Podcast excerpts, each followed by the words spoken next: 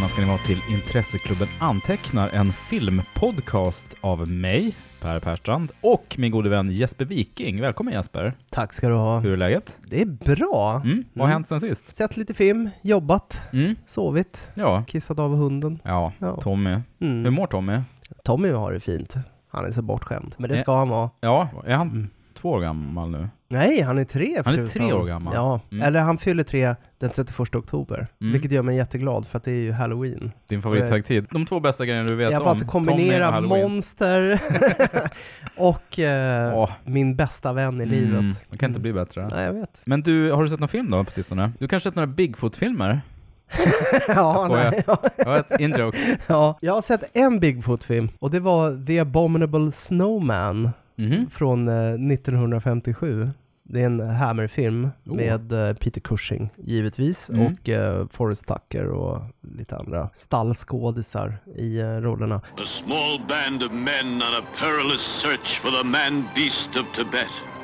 The abominable snowman of the Himalayas.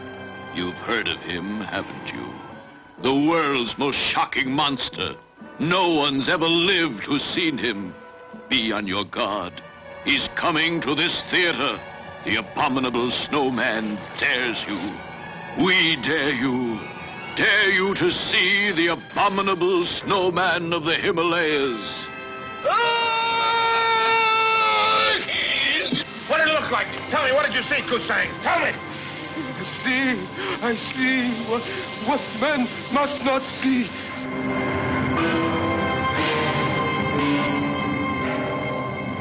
Den utspelar sig dock uppe i eh, Himalaya, så att eh, det är ju inte riktigt en Bigfoot-film, det är mer en jättefilm. Mm. kan man säga. Den är väldigt fin. eh, Den skrevs ju av Nigel Neal, som jag har pratat om tidigare, som gjorde The Stone Tapes till exempel, Mm. och Quatermass and the Pit. Så att den är ju väldigt mycket fokuserad på de filosofiska aspekterna av att hitta en annan art som för oss är hittills okänd och konsekvenserna av det. Hur ska vi närma oss? Ja, men alltså mycket mer i linje med Arrival Mm. kanske. Den är jättebra. Jag kan rekommendera att man söker upp The Abominable Snowman. Mm. Det är både ett raffel och eh, ganska tänkvärt, som det heter.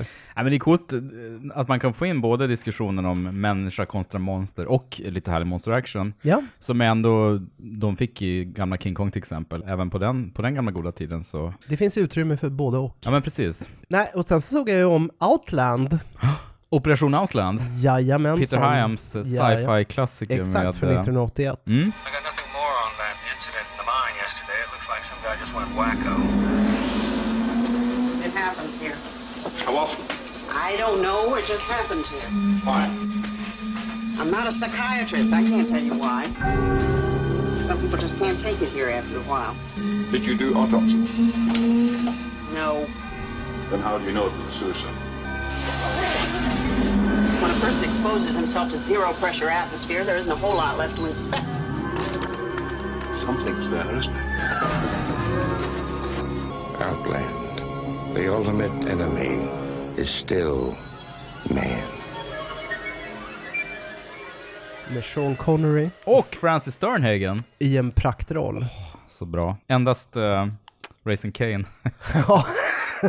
Jag älskar den här filmen. Peter Boyle är också svinbra. Just det. James Sicking från... eh, Spanar på Hill Street. exakt. Eh, Howard, Howard Hunter. ja, Är det ja. den? Mm. eh, med pipan. Mm, just det.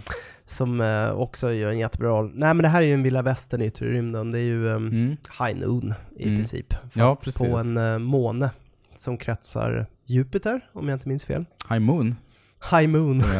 Men det här är väl helt klart en av Peter Hyams bättre filmer. Framförallt så Mm. uppskattar jag världsbygget i den. Alltså han har ju verkligen lyckats fånga någon sorts här utilitär inredning på den här rymdstationen där Mm. handlingen utspelar sig. Den är, alla rum de befinner sig i är väldigt, alltså ur ett rent arkitektperspektiv, väldigt funktionella Mm. och bra. Men ganska fula. Alltså det är en sån här brutalistisk scenografi som Mm. funkar jävligt bra. Och sen överlag så tycker jag att Sean Connery på 80-talet, det var bra skit. Ja, det Alltså var han ju gjorde det. bra grejer när han trevade efter Bondfällan. Ja men tänk bara, de omedelbara och Indiana Jones 3. Mm. De, och Outland, det är ju tre av hans bästa roller. Absolut. Nej, jag älskar verkligen Outland, tycker den är så jävla bra. Och jag håller med, det är, det är som, eh, det är, ju- det är ju lite likt estetiken från Alien, men eh, inte lika prydlig då. Mm. Nej. Alltså Ridley Scott kan ju inte göra det fult, det måste vara Nej, snyggt. det måste vara snyggt ja. Han, han Han är ju grafisk designer. Mm, precis. Det finns ingenting med den här filmen som är dåligt genomtänkt. Den Nej. är verkligen 100% kvalitativ. Och sen så älskar jag Sean Connerys och Francis Sternhagens samspel. Mm. Han är ju en, eh, ja men vad ska man säga, en, eh, en misslyckad eh, ordningsman. Mm. Han har auktoritetsproblem, får det här skituppdraget på någon avlägsen rymdstation, men är inte helt bekväm med sin självbild. Mm. Så han bestämmer sig för att utforska om han verkligen är en dålig människa eller om han faktiskt står för någonting. Mm. Och nu står han för att de här gruvarbetarna på den här rymdstationen inte ska dö i parti och minut av, Mm. av eh, drogmissbruk. Och så får han hjälp mot den korrupta ledningen då av den här en totalt neralkade läkaren spelad av Francis Sternhagen. Som är en eh, väldigt mänskligt skildrad, Mm. åldrad, eh, krass läkare. Mm. Som har på ett helt annat sätt än vad han har förlikat sig med sin situation. Jo, hon har mer resignerat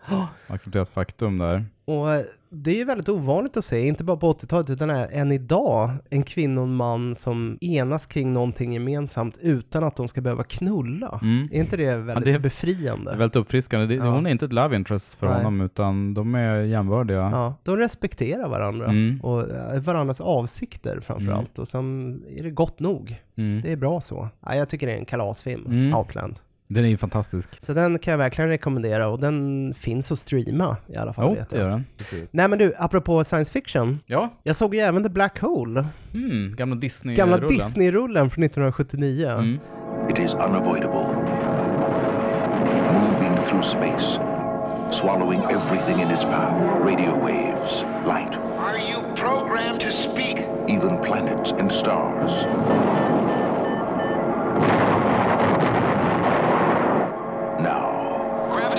Maximum, Dan. My God, I think it's got us. man is about to enter We've got a break here too. the black hole.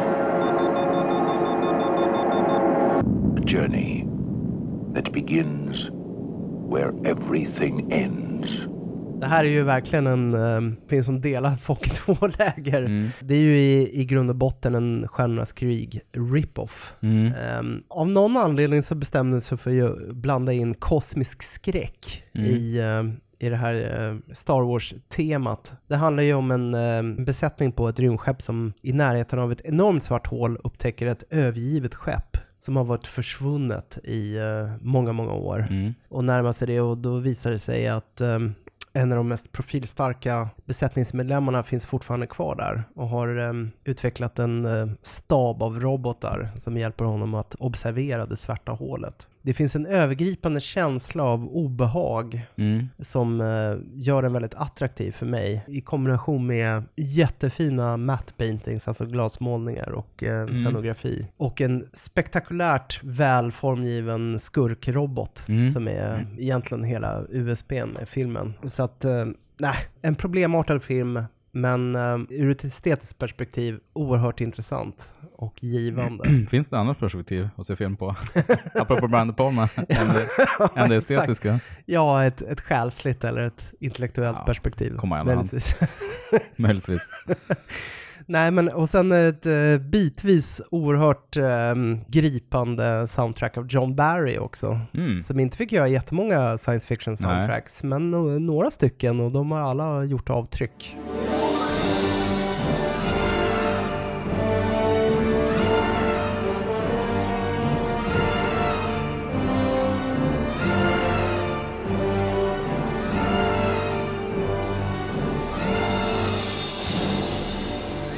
Har ändå, ja men eh, jag skulle säga Lovecraftianska Mm. influenser som Mm. eh, även eh, genrefans bortom science fiction kan ta till sig. Så att, Jag minns faktiskt inte om jag har sett den här eller inte. Jag kommer ha vaga minnen av den från när jag var liten. Men Alltså är det en vuxenfilm? Familjefilm. Jag har nog men- alltid trott men att det var en osedvanligt barnfilm. läskig för att vara en familjefilm Mm. i så fall. Alltså den är bitvis riktigt uh, hänsynslös och eh, precis som Alien var, en Mm. gotisk spökhusfilm. Udda för att vara en Disney-film också såklart. Jo, men de var ju rätt trevande Mm.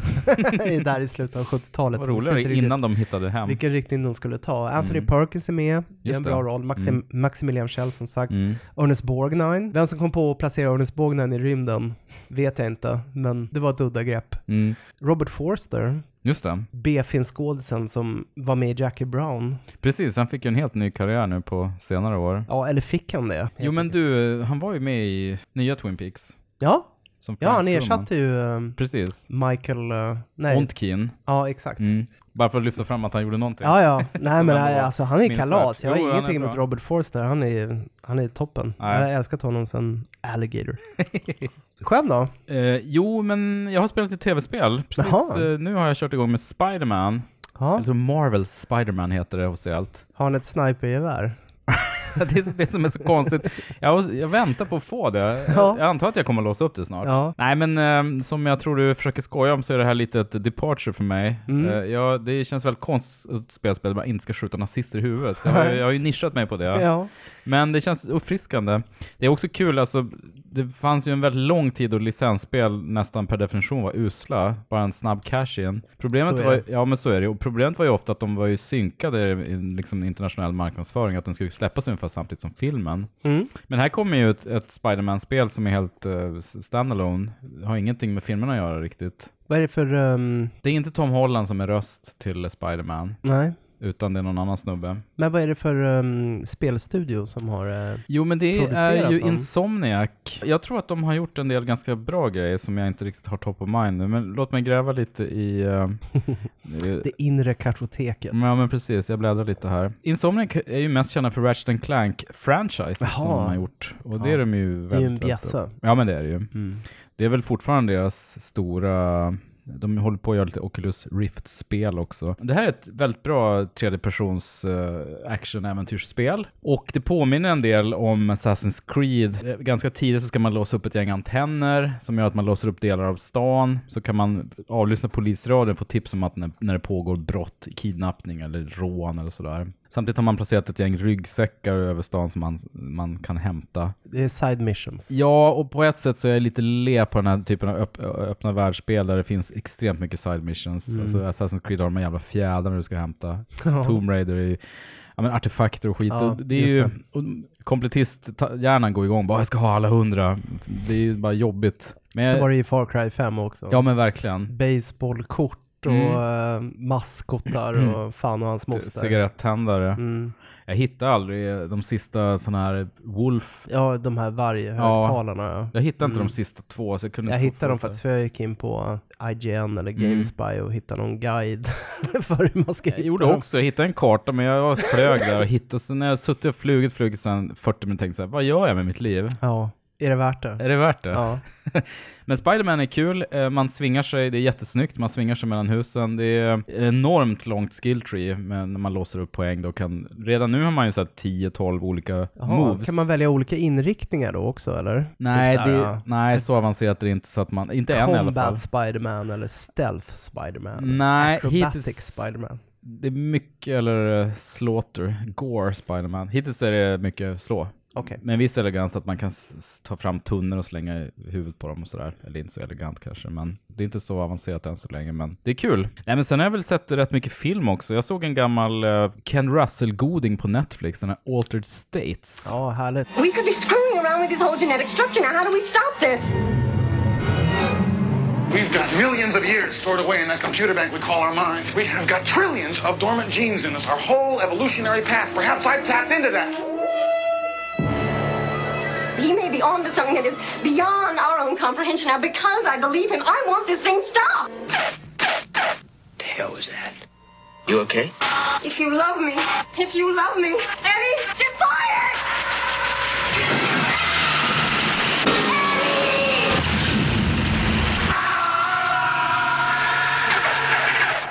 Altered States. Ja, den är Gött med fin. lite Ken. Mm. Var det William Hurts stora genombrott? Jag tror det. Jag tror det, den kom ju ganska tidigt i hans karriär. Ja, Sen så, ja men vi har ju en annan 70-talsikon, nämligen Bob Balaban. ja just det. Som är alltid härlig. Det var ju på den tiden då korta män med flint och skägg fick så här, inte leadroller kanske, men fick ändå en stor biroll. Mm. Nej men så Charles Haid också, alltså Renko från Spanar på Hill Street är med. Just det. Den rödhårige. Koleriska. Ja. Mycket minnesvärd uh, redneck-sheriff i um, Clive Barkers Nightbreed. Nej men eh, det är ju en historia om en eh, forskare som blir besatt av att på något vis hitta ja, men, ursprunget till mänskligheten på något sätt och lägger sig i en Ja. eh, tank och Mm. blir förvandlad till diverse, eller han blir förvandlad till en slags Olika stadier av människans Ja, men utveckling. precis. Metafysisk väldigt metafysisk. skildring. Mm. Det är ju specialeffekter som pendlar mellan briljanta och ganska lökiga. Ja, Det är, ibland bara man skratta lite, men det finns ändå ett uh, ärligt uppsåt här, kan man Mm. väl säga. jag klumpar alltid ihop um, Altered States med um, Brainstorm. Den Mm. Douglas Trumbull-filmen med Mm. Christopher Walken och um, ja, vad heter hon som, eh, som drunknade? Natalie Wood. Natalie Wood, ja. Mm. Jag vet inte varför, men jag, jag får för mig att den försöker liksom gestalta samma sak på något sätt. Jo, men det är Eh, rimligt för att eh, när han gör den här inre resan så är ju specialeffekterna påminner ju en del om uh, Stargate-sekvensen i 2001 som ju Trumbull gjorde. Mm. Och den typen av optiska psykedeliska effekter. Det Mm. känns som att de har suttit och droppat färg i, i ett badkar och, Ja, allting, och gjort det lite mäktigt. Så det är väldigt mycket så optiska effekter, även i, som i första Star Trek, lite den känslan. Ja, absolut. Så, så att det, det är rätt härligt. Sen är ju, filmen drar sig ner lite kanske av att William Hurt är så här briljant. Och han är så Mm. besatt och besjälad av det här uppdraget. Så att han fungerar inte som en vanlig människa, utan han är Nej. mer som en maskin. Och Blair Brown försöker ju ha ett förhållande med honom, men det är svårt. Men de har hela tiden väldigt så metafysiska forskardiskussioner, så att det finns ingen normal dialog i filmen, utan allt är väldigt så här överspänt hela tiden. De, de rabblar bara forskningsupptäckter hela tiden. Mm. På ett sätt som vanliga människor inte gör. Sen är det här inte en dokumentär om vanliga människor. Nej. Men ibland kan den lite tung dialog. Ja. Men, nej, men den var, den var fin. Jag har inte sett en enda Ken Russell-film som jag inte hade rekommenderat någon annan att se, Mm. faktiskt. För alla hans brister och fel. Nej, men Så han är precis. alltid intressant. Ja. Altered States är ändå en av hans bättre filmer, eller mer tillgängliga filmer, Mm. får man ju säga. Mm. Så den tycker jag absolut att man ska Mm. Söka upp. Om den finns på Jo, Netflix. det var så jag ramlade över den. Finns Ja. där nu, så att det är ett hett tips såklart. Sen en film av helt annan karaktär, det är den här Game Night som jag såg också. Ja, Ja. den har jag också sett. Ja, Tonight, we're taking game night up a notch. Oh boy. Someone in this room is going to be taken, and it's going to be up to you to find them. It's a murder mystery party. Whoever finds the victim wins the grand prize. You're not going to know what's real and what's fake. Wait a sec, you can't just come in here and break the door. Oh! Looks so real. Guys, make sure you get a piece of this cheese. It's just. First one that follows us gets shot. Okay, Roger that. You drive safe. I've always enjoyed the camaraderie of good friends competing in games of chance and skill. Jason Bateman och eh, Amy, Rachel McAdams. Rachel McAdams, just det. Spelar- Amy Adams vill jag alltid säga. Ja, Rachel. Rachel McAdams. Nej, men de spelar ett, ett par som eh, håller på med så här sällskapslekar tillsammans med sina polare. De är vinnarskallar. Ja men verkligen, extrema vinnarskallar. Mm. Och hamnar då i ett scenario där man inte riktigt vet om det är ett spel eller Nej. verkligt. Det är en svart komedi kan man väl säga. Ja, med betoning på komedi. Mm. Jag har aldrig haft någon så speciell relation till Jason Bateman, för jag har aldrig sett Arrested Development. Men eh, han är ju bra. Han är väldigt bra. Jag kollade ju på Ozark Ja precis, också. tänkte säga det. Där får han briljera verkligen. Och det är en roll som är mer i linje med hur jag uppfattar honom Mm. som en psykopat. Jo. ja, man har ju den utstrålningen. Ehm, han var ju så jävla bra i den här um, The Gift av Mm. eh, Joel Edgerton. Där han spelat ett sånt där riktigt jävla typ A-personlighet as. Mm. Den borde du se Ja. om du får möjligheten. Ja men den vill jag att, eh, verkligen se. Den stått på min lista hur Ja. länge som helst. Den är svinjobbig. Men Game Night var ju väldigt charmig, måste Mm. säga. Det var Mm. inte en tråkig sekund. Nej men verkligen inte. Den har rapp tempo och man vet inte riktigt var den ska ta vägen Ja, och någonstans. bra repliker och, och framförallt så har den ju en, en fantastisk um, rollprestation av Jesse Plemons. ja just det. Ja, han är så otroligt bra. som är, ja men någon sorts Asperger-snut. Han som- kan liksom inte komma över att hans eh, fru lämnade honom. Nej. Och Han vill så gärna vara delaktig i deras game night, men Ja. de tycker han är bara creepy och gör vad som helst för att undvika honom. Ja men han är ju så kantig Mm. och en extrem vän av ordning och Mm. väldigt om sig och till sig med Mm. hur saker och ting ska gå till. Han gör ju verkligen den filmen. Mm, ja, riktigt, riktigt bra. Det är roligt att han har börjat få mer såna här lite större roller. Mm, mm. Det tänkte jag redan när man såg um, Fargo säsong Mm, två. Just det. När han spelar mot um, Kirsten Dunst. Ja, just det. som uh, make och hustru. Ja. Han, han var så jävla bra där. Båda var jättebra, men Slaktaren. Ja, ja fantastiskt exakt. bra. Och det pratade vi om tidigare. Jag såg nyss den här USS Callister, Mm. Black... eh, Mirror. Precis, med den här Star Trek-hyllningen. Ja. Satiren över, över fanboys också. Visst var det så att du även såg Darkest Hour? Mm, den har jag sett. Mm. Den har jag också slutligen sett. Ja, det här är ju då filmen om eh, dagarna innan det brittiska parlamentet beslutade sig för om de skulle engagera sig i andra världskriget eller inte. Ja, dagarna innan eh, Dunkirk kan man väl säga. Just det. För de var ju redan inblandade, men huruvida de skulle, Nej, huruvida de skulle göra ett fredsavtal med Tyskland eller ej var en annan fråga. Ja men så var det ja, jag skojar bara. Det är inte så att jag har glömt handlingen eller har dålig koll på politik. På eller världs, historien. världshistoria. Now is the time to negotiate. When will the lesson be learned? You cannot reason with a tiger when your head is in its mouth. I take full responsibility. Really? Really? Yes, sir. It is the reason I sit in this chair. Be yourself. Myself. We shall fight on the beaches. We shall fight on the landing ground. We shall fight in the fields and in the streets. We shall fight in the hills. We shall never surrender. For without victory, there can be no survival.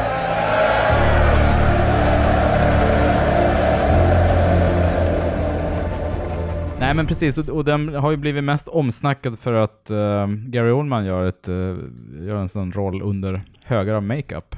Ja. Nej men det här är ju klassisk eh, brittisk. Det är så roligt med britterna att de, är, att de alltid håller på och trålar i det här med andra världskriget. Mm. Att det är sån extrem mysfaktor för dem. Mm. När de fortfarande var någon sorts världsmakt. Mm. Som spelade roll. Ja. och det är att de hade stiff upper lip och eh, Mm. stod emot ondskan. Och Mm. det här är, de kommer aldrig släppa det här. Nej men det behövs ju nu mer än någonsin den här Ja. typen av filmer. Med tanke på Brexit och allting. Men eh, ja, Gary Oldman, kalas. Kristen Scott Thomas, som hans hustru Clementine, fantastisk. Ja, ruggigt bra som alltid. Hon hade ju en enorm inverkan på eh, Winston Churchill. Mm. Har jag hört om min uh, svärfar som likt alla 40-talistmän är totalt fixerade kring andra världskriget. Ja, det är många starka birollsinsatser. Mm. Nej men Lily James är jättebra som uh, nyanställd sekreterare. Hon blir lite våra ögon. från Vår honom. avatar. Vår avatar. Abada. Och sen Ben Mendelsohn, som alltid är bra, Mm. spelar ju King George, den stammande kungen va? Visst är det han? King George? Ja, absolut. Sixth. Som eh, Colin Firth spelade. Nej men det är kalas på. Nej men det finns ju ett, en scen i den här filmen som är problematisk. Mm. Du vet vilken jag menar? Ja, tunnelbanan. Ja, han är i en tunnelbana, tunnelbanan. precis. När han, Han när, åker en 35 minuters tunnelbanefärd mellan två stationer. Väldigt långt mellan stationerna. ja. Nej, den är ju så konstruerad och så... Sentimental. Oerhört sentimental. På något, Mm. Någonstans tyckte jag den funkar. Jag är ju ganska sentimental. Jag tyckte den funkar ändå, men... Den, Om den inte var Oscar-bait innan så var det verkligen den Skojar du? scenen. Jag kan fatta att man kan nästan såga den här filmen på grund, på grund av den Ja, scenen. absolut. Skitsamma, det är en sevärd film. Ja, tveklöst. Intressant inblick i, för man har en bild av Churchill, för oss som inte är män födda på 40-talet, så har man en bild av Churchill som någon sorts, ja men en gigant, som, en folkhjälte, Mm. som alltid hade allas stöd. Mm. Men det var ju långt ifrån Mm, sanningen. Han var ju inte populär Nej. i parlamentet och inte ens inom sitt eget parti. Så Nej. att, eh, ja, han gjorde bedrifter med sin eh, Mm. retorik Mm. och sin, sina principer. Men du, Ja. vi är ju inte här för att snacka om gammalt mög. Nej. Nej. Nej, men nu är vi Så framme eh, vid eh, de tre sista, eller senare delarna av Mission Impossible. Jajamensan. Vi har ju faktiskt tre filmer kvar Ja, i Mission Impossible. spännande. Franchisen. Det tog ganska lång tid mellan fyran och trean. Ja, precis. Det tog fem år, närmare bestämt. 2011 så kom i alla fall Mission Impossible 4. Ghost Protocol. Mm. Nu började man med de här uh, generiska, konstiga undertitlarna. Men det är väl någon tumregel. Efter trean, då känns det pinigt att skriva fyra. Ja. Då kommer en undertitel istället. Man låtsas inte om Så att det ändå känns som eh, något eget. Mm. Helt plötsligt satt Brad Bird i registolen. Det är Ja. ett lite udda val. Ja men verkligen, Brad Bird hade ju gjort väldigt mycket på Pixar. Och det här Ja. var ju hans första liksom, spelfilm med riktiga människor i. Och jag kommer ihåg att det snackades om att oj vilket ansvar, ska han fixa det här liksom? Nu hänger franchise på hans axlar och så vidare och så vidare. Brad Bird är för de som inte känner till honom kanske mest känd för, Järnjätten. sen eh, såklart The Incredibles 1 och nu 2 då. Ja precis. Fasen vad bra den var förresten, Superhjältarna 2. Såg den här om veckan. Inte sett den. Nej, nej men se den. Så gå om ettan också, Ja. som var mycket bättre än jag minns den. Ja, jag vad var roligt. inte så för peppad på jag den kommer, nej, jag kommer ihåg att jag var inte heller så här supersåld på den. Ja, lite vågat ändå att ta en animationsregissör till det här. Jag tycker han lyckas väldigt bra Mm. med sin spelfilm. Who are you really, Brent? We all have our secrets. Don't we, Ethan?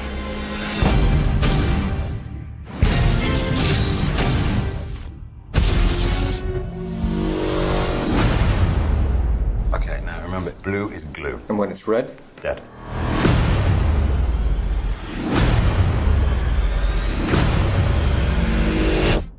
You're not gonna make it! You're not helping.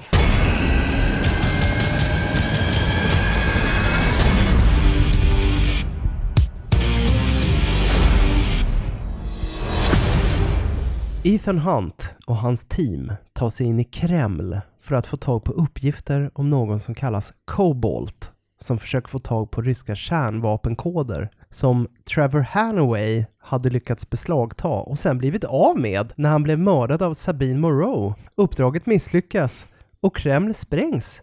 IMF blir sen misstänkt för att ligga bakom explosionen och Ethans team tvingas ingå Ghost Protocol, det vill säga gå under jorden. Nu får Ethans team klara sig själva och måste försöka få tag på kärnvapenkoderna av Moreau på Burj Khalifa i Dubai innan Kurt Hendricks, det vill säga skurken, får tag på dem och startar ett kärnvapenkrig. Helt Mm. sammanhängande. Mm, verkligen. Kalasfilm, Ja, tycker jag. det här är nog den jag har sett flest gånger tror jag. Ja. Den är så otroligt omedelbart lättillgänglig.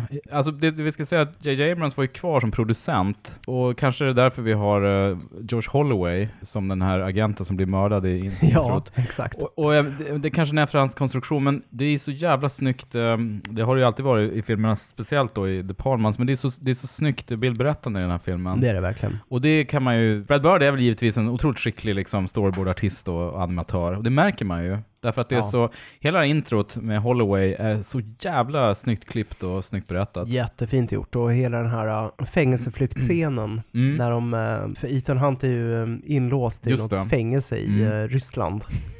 Han ligger och kastar den här klumpen som studs, gör en perfekt Som studs Steve här. McQueen i The Great Escape. Ja, är det därifrån? Ja, jag antar jag. För Han Mm. gör ju samma sak Mm. där. Nej men det är ju uh, medsvepande. Det, det är så tight. Det är så bra att de etablerar den här eh, comic relief-tonen som de här har. När Ethan Hunt vill att Benji ska öppna alla fä- fängelsedörrarna. Ja, han, han inte vägrar. Han står och bara pekar sig Ja, ja, och bara gör så här typ. Benji Ja. Okej, okej. Nej men så kör de igång den här Kick in the Head med Dean Martin. How lucky can one guy be? I kissed her and she kissed me.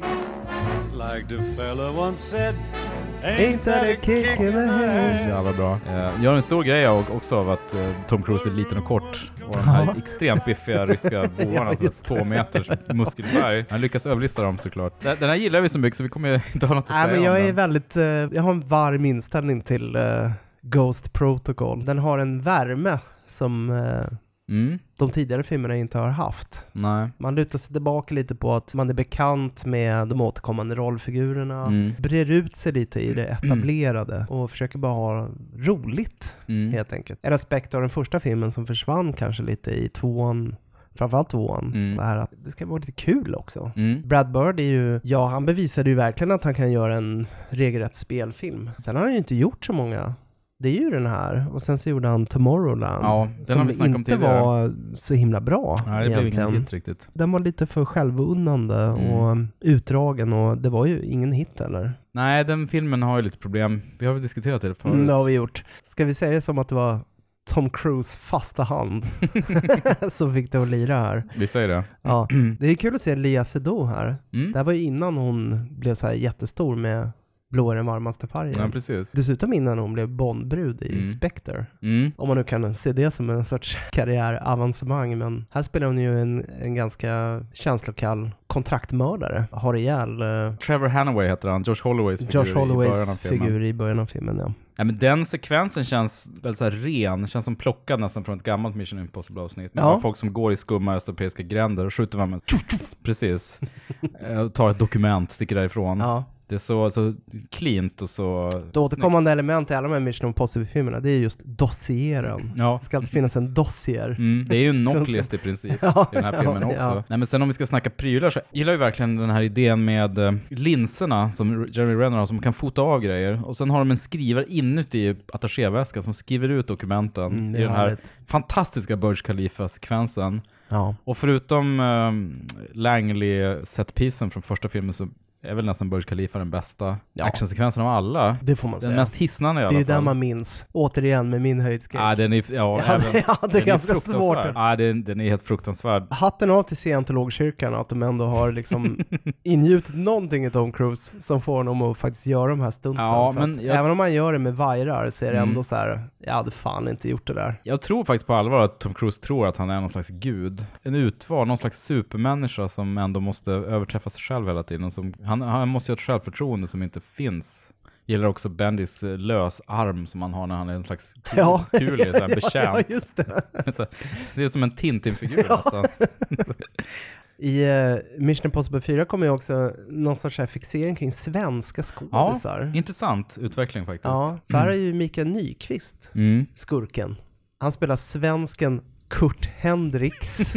Ja. Någon sorts cockroach-figur egentligen. Han ska ju Mm. vara så här uh, svensk underrättelsetjänstfigur som har blivit knäpp. Och av oklara skäl också någon sorts expert på kärnvapen. Ja men precis, han är någon Hantering. slags forskare också. Mm. Och han står ju och, det är också ett kul drag att de här svenska skådespelarna, de får också prata svenska i filmerna. Mm. Nu har vi blivit de nya ryssarna. Mm. Och det är ju inte bara Mikael Nyqvist, det är ju... Eh, sen som eh, sekond har han ju Samuel Edelman som Mm. Just det. också spelar en svensk, eller en finlandssvensk kanske. Vet inte om Oklart. de är så nyanserade så att de är Precis, det är finlandssvenska. så nivåer av eh, medborgarskap som de inte bryr sig om i Hollywood. Ja. De spelar Wiström. Men Wiström, det lå- låter inte det väldigt finlandssvenskt? Det låter väldigt finlandssvenskt. Så det, det, gör är som att de har tänkt till lite grann. Samuel Edelman har verkligen gjort karriär, så han har gått från att spela Snorkfröken till Hitman i Mm. Mission Impossible. Det är mäktigt. Vilket är... Ja, men apropå Micke Nyqvist, hela den här sekvensen inuti Kreml också, när de har den här skärmen som kopplar till en iPad, som projicerar, filmar av korridoren och projicerar, som går närmare med. Det är,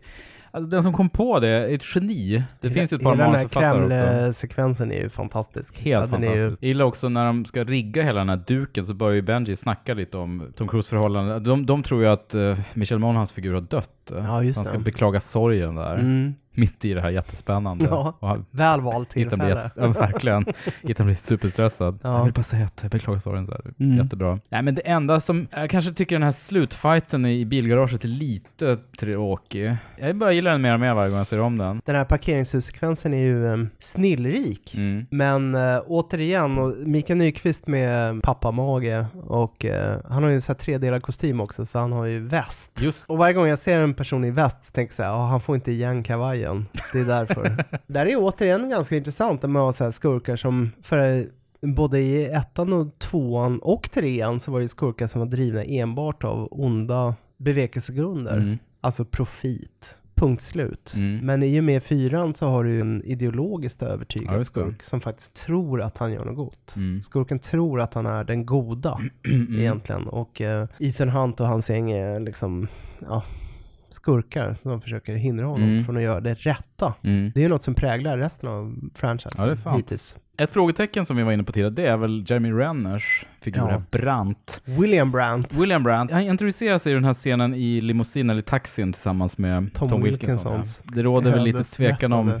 Ja, ja verkligen. IMF-chef. Ja, han visste inte att han hade tio minuter kvar att leva när han Nej. Han borde anat det. Så fort man ska vara boss över Ethan Hunt så brukar det... Då är det kört. Så är det. Nej men han, eh, det blir någon liten fnurra mellan honom och Ethan Hunt där i början. Ethan Hunt undrar vad han är för paragrafryttare, om han var där för att hålla koll på honom. Han är analytiker, Ja, just det precis. Han är Analyst. som ehm, Jack Ryan. Nej, det gör de en grej av också, att han inte har, har någon, varit ute på fältet någonting. Nej, Ghost Protocol känns ju, den känns ju rätt fulländad. Tror det är kanske min favorit i serien so far. För mig också. Den gick ju svinbra, eh, Ghost Protocol. Den är tvåa eh, Ja. på topplistan. Det är Fallout som drog in mest, om man tar internationellt då. Och då är det dags för femman. Och då plockade man in Christopher McQuarrie.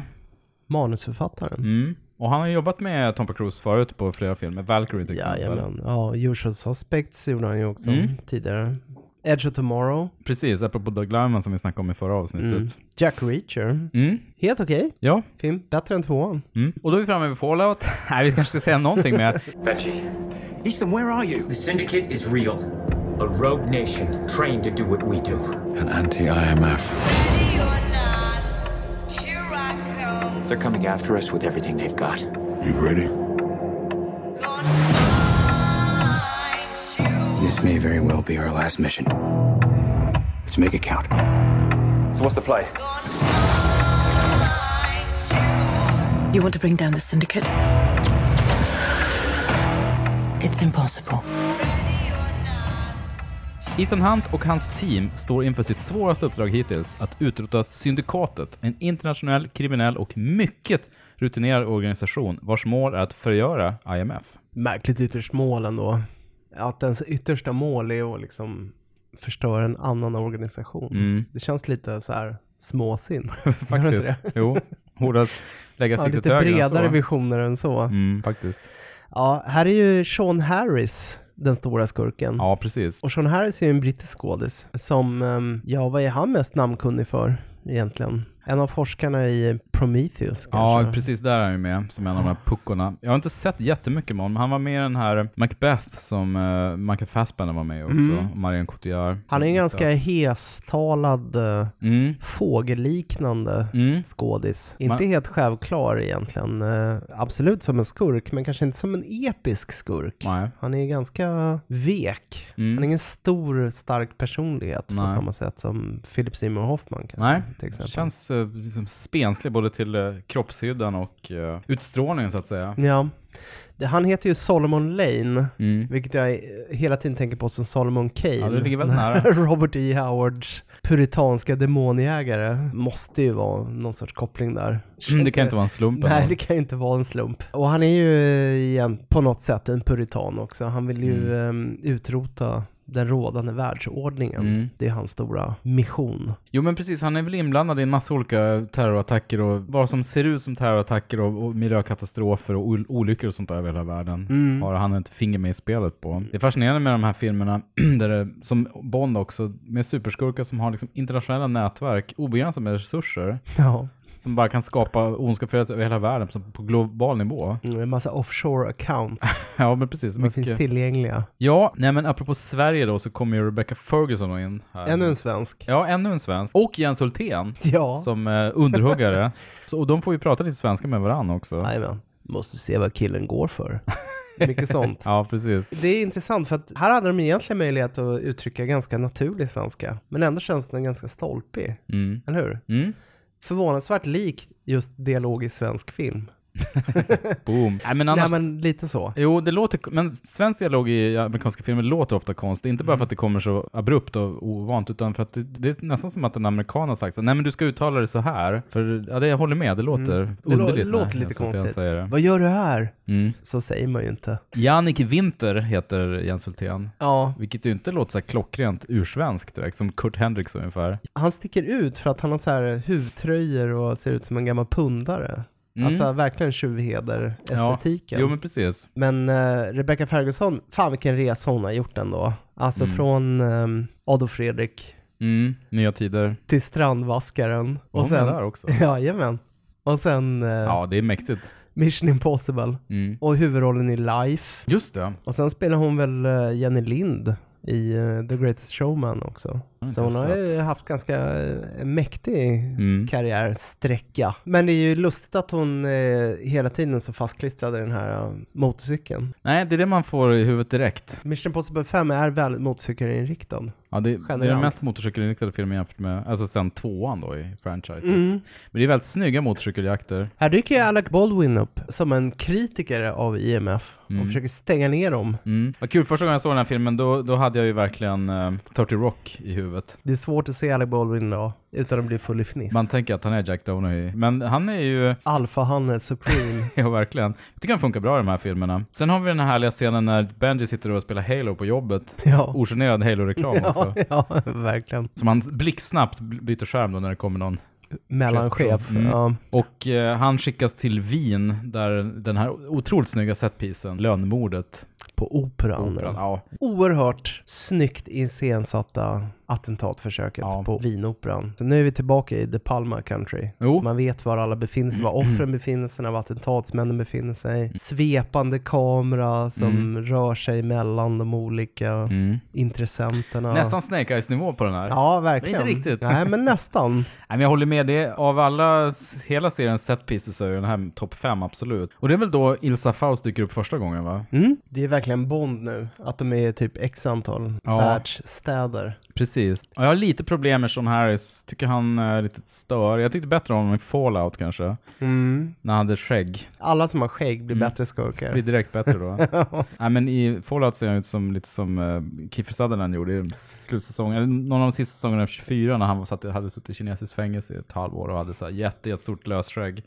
Ser ut som han var med i någon, någon av de här eh, dramerna om amerikanska inbördeskriget med Tom Berger och de här jag kommer inte ihåg vad den heter, men han har jättestora skägg. Ja. Nej men eh, bra film. Jag gillar ju upplösningen också med eh, Tom Hall- Hollander som eh, premiärminister och McBurney där och när de håller på med masken och lurar varandra. Klassiskt där. Ja, i brittiska. stuff. Precis. Och då är vi framme vid den sista, eller senaste filmen ska vi säga. Mission Impossible Fallout som kom tidigare i år. och det är ju Christopher McQuarrie då, den första som har fått regissera två stycken på raken. Ja, det är det ju. Och den här har skrivit av sig själv också. Ja. Och det är också första gången som en writer director är Mm. ensam om en eh, Mission Impossible-film. Här ser vi en eh, annan alfahanne. Henry som- Cavill. Henry Cavill Mm. dyker upp. Alternativ Ethan Hunt. Mm. Fast mer av en, eh, hur är det de uttrycker det i filmen, mer av en hammare än en skalpell. Mm. Satsar på råstyrka. Ja. How is he? Hell, you know. Same old Ethan.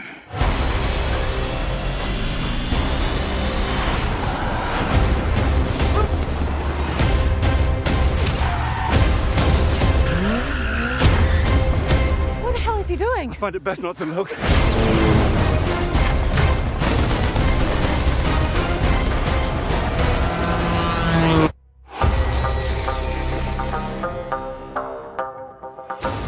Ja, men McQuarrie har ju sagt att han såg Henry Cavill i den här The Man from Uncle Mm. och tänkte att det här kan ju faktiskt bli jävligt bra. Och så Ja. hade han honom på en lång lista som, som producenterna skulle säga ja till och han, i smyg så flyttade han honom högre och högre upp på listan. Det ju, var ju en stötesten att han var stålis just det, låg honom i fatet verkligen. Mm. Men till slut så var det bara han kvar på listan så blev det han och det funkar ju väldigt bra. Det gjorde det. Får man säga. Nej men han är ju bättre med Mush också. Ja. Den här August Mustaschen tillför mycket till Henry Cavill. Det Gör känns det. som att, eh, ja men det är lite som Burt Reynolds. Han Mm. vann på att ha Mm. mustasch. Mm. Jo, men det är Gör- som att se Tom Selleck utan musch. Det, det är Mm. inte riktigt samma grej. Nej. Ska vi lugna oss med spoilers för den här filmen eller? Jag tycker vi snackar om det här Nej, men om vi tar set pieces så, jag gillar ju verkligen, apropå det vi sa som knyter an till första filmen, när de lurar en av skurkarna här att, att avslöja viktig information genom att de, Mm. och det är ganska tidigt i filmen, så, så etablerar de att nu har det smält, det är de här tre plutoniumbollarna som de slåss om. Norska vetenskapsmannen. Just det, det är det ja. Mm. Jag har redan glömt, fast det bara var några veckor sedan jag såg den. Kristoffer Joner spelar honom. Ja, Nils exakt. de Bruk heter han. Jag plockar Mm. här ur minnet bara. Det är ett konstigt holländskt namn. Ja. Han är.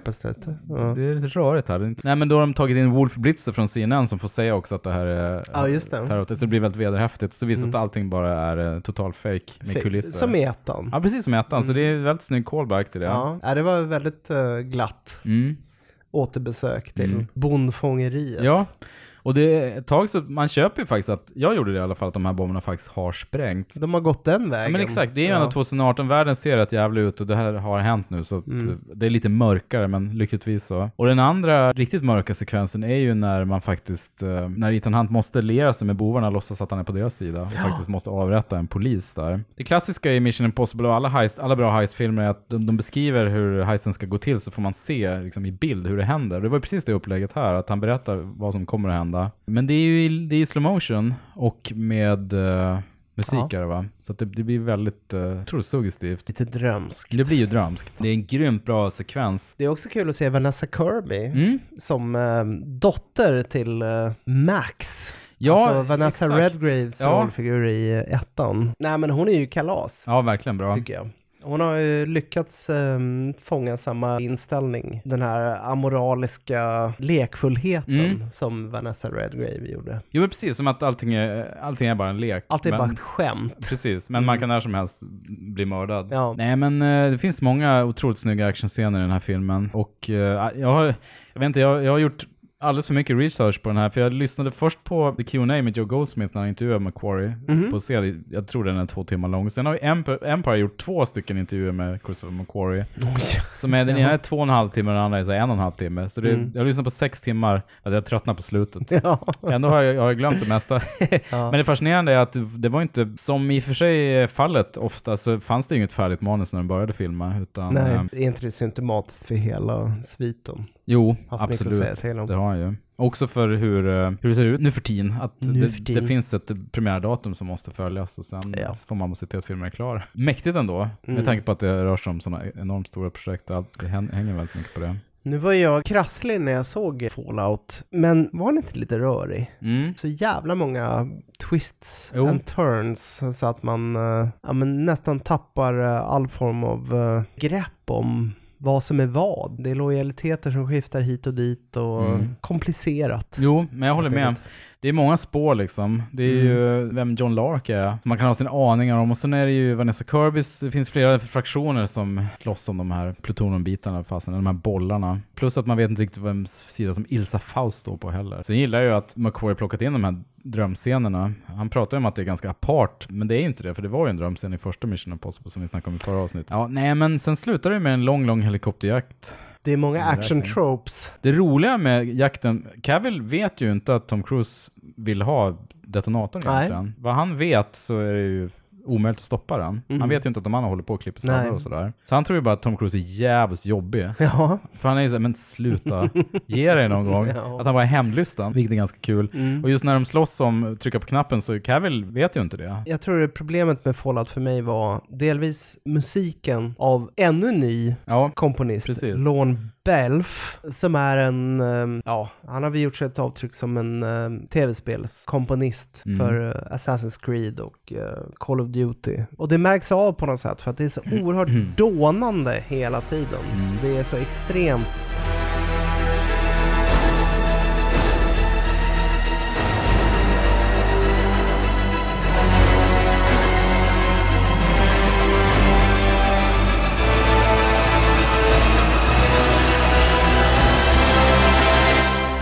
Men den bästa sekvensen i den här filmen, för mig, det är ju den här biljakten i Paris. Mm. För den har vi inte pratat om. Nej. Först är det ju en motorcykeljakt. Just för det är ju Mission Impossible. Men sen är det biljakt som kändes verkligen som en callback till typ French Connection. Mm. Alltså det var, den var verkligen old school. Det är alltid härligt. Nej, men jag tyckte den var riktigt härlig. Jag skulle behöva se om den eh, en eller två gånger för att kunna sätta den, vilken, bestämma vilken ordning den ska vara Ja, i. ranka den. För att kunna ranka. Många tycker att det här är den bästa. Mm. Den har ju fått svinbra kritik och även gått väldigt bra, så att det kommer en, en sjua är det inget snack om. Det intressanta är ju då att Sean Harris överlevde både Rogue Nation och Fallout. Han Ja, tänker McCory eller vem det nu blir göra något av honom i nästa film också. Vilka är bäst, om vi tar de tre bästa actionsekvenserna från alla sex filmerna? De tre bästa. Ja, vi har ju pratat om Burj Khalifa-sekvensen. Ja, den är ju etta för mig alltså. Ja, Så är det.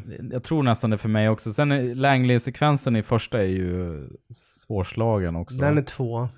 Operasekvensen i, i eh, Fyra. eller femman är det, Rogue Nation. Är det de tre som är topp tre? Operasekvensen i femman är nog en trea för mig också. Mm. Bästa skurk? Philip Seymour Hoffman. Tveklöst. Det finns ingen två eller tre där, utan han är ohotad. Eller det är väl kanske Kurt Henriks då som tvåa.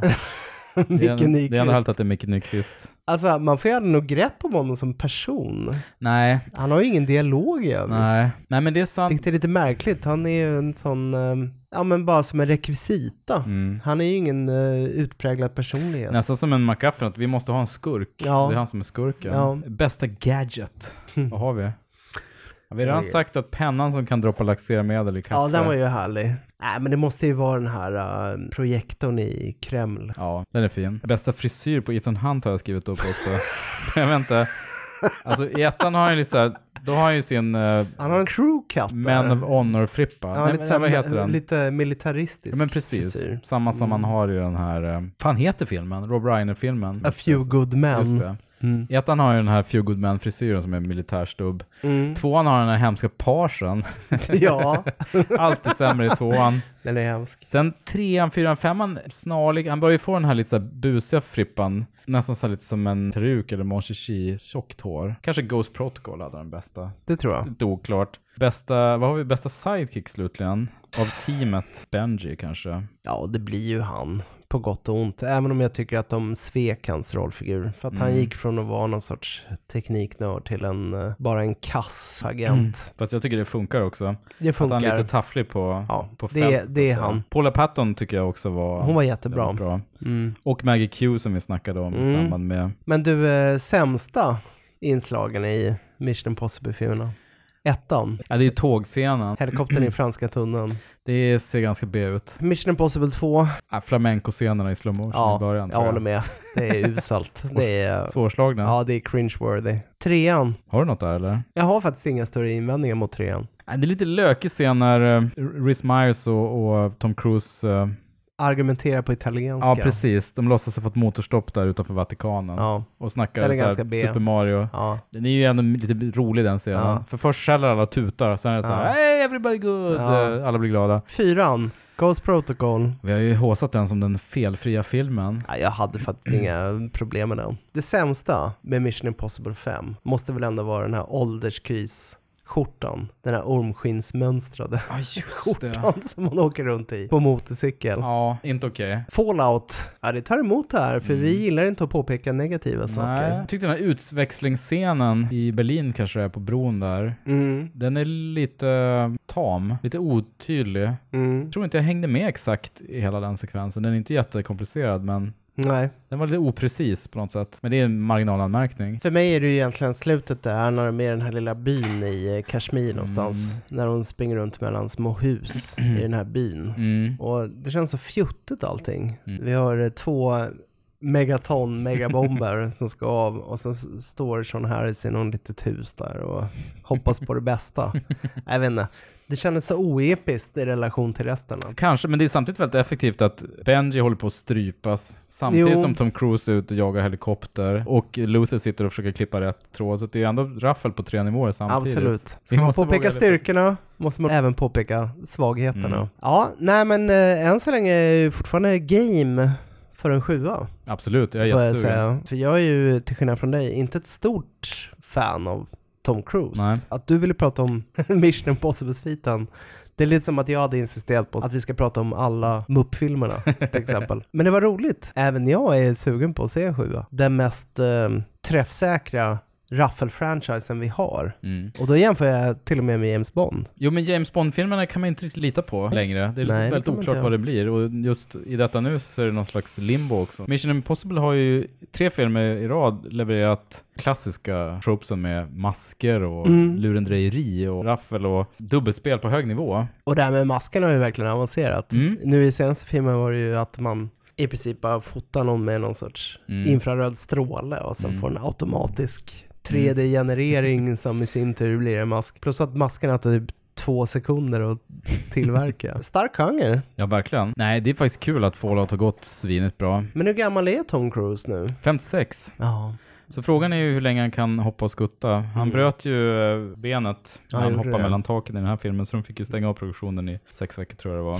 Mm. Då han ju McCoy skriva lite manus också. Ja.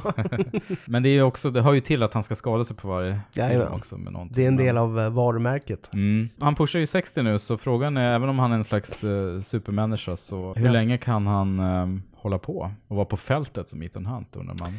Ja, om han får bestämma så är det väl tills han dör. Mm, men eh, frågan är när producenterna säger nej. nej, men härligt att se om dem. Ja, det var underbart. I alla fall. Vi återkommer snarast med ett par önskefilmer. Ja, nu är det för hög har vi tid för ett gäng önskefilmer. på rad här. Vi har en lång, lång eh, lista som vi ska ta tag i. Och Mm. eh, önskefilmen har ju önskats av våra Patreons, de som Mm. skänker 10 dollar i, per podd. Jajamän. Och vill du också bli en sån månadsgivare så går du in på vår Patreon-sida, patreon.com slash icapodcast eller googla det. Så kan du ge allt från en dollar i månaden till 10 dollar och ger du mycket så får du också önska filmen som vi kommer att prata om. Gör det om du är sugen, annars följ oss på Facebook och Instagram och Twitter och lite andra ställen. Vi säger tack för att ni lyssnat så hörs vi snart igen. Ha det fint! Ha det fint. Hej då. Hej då!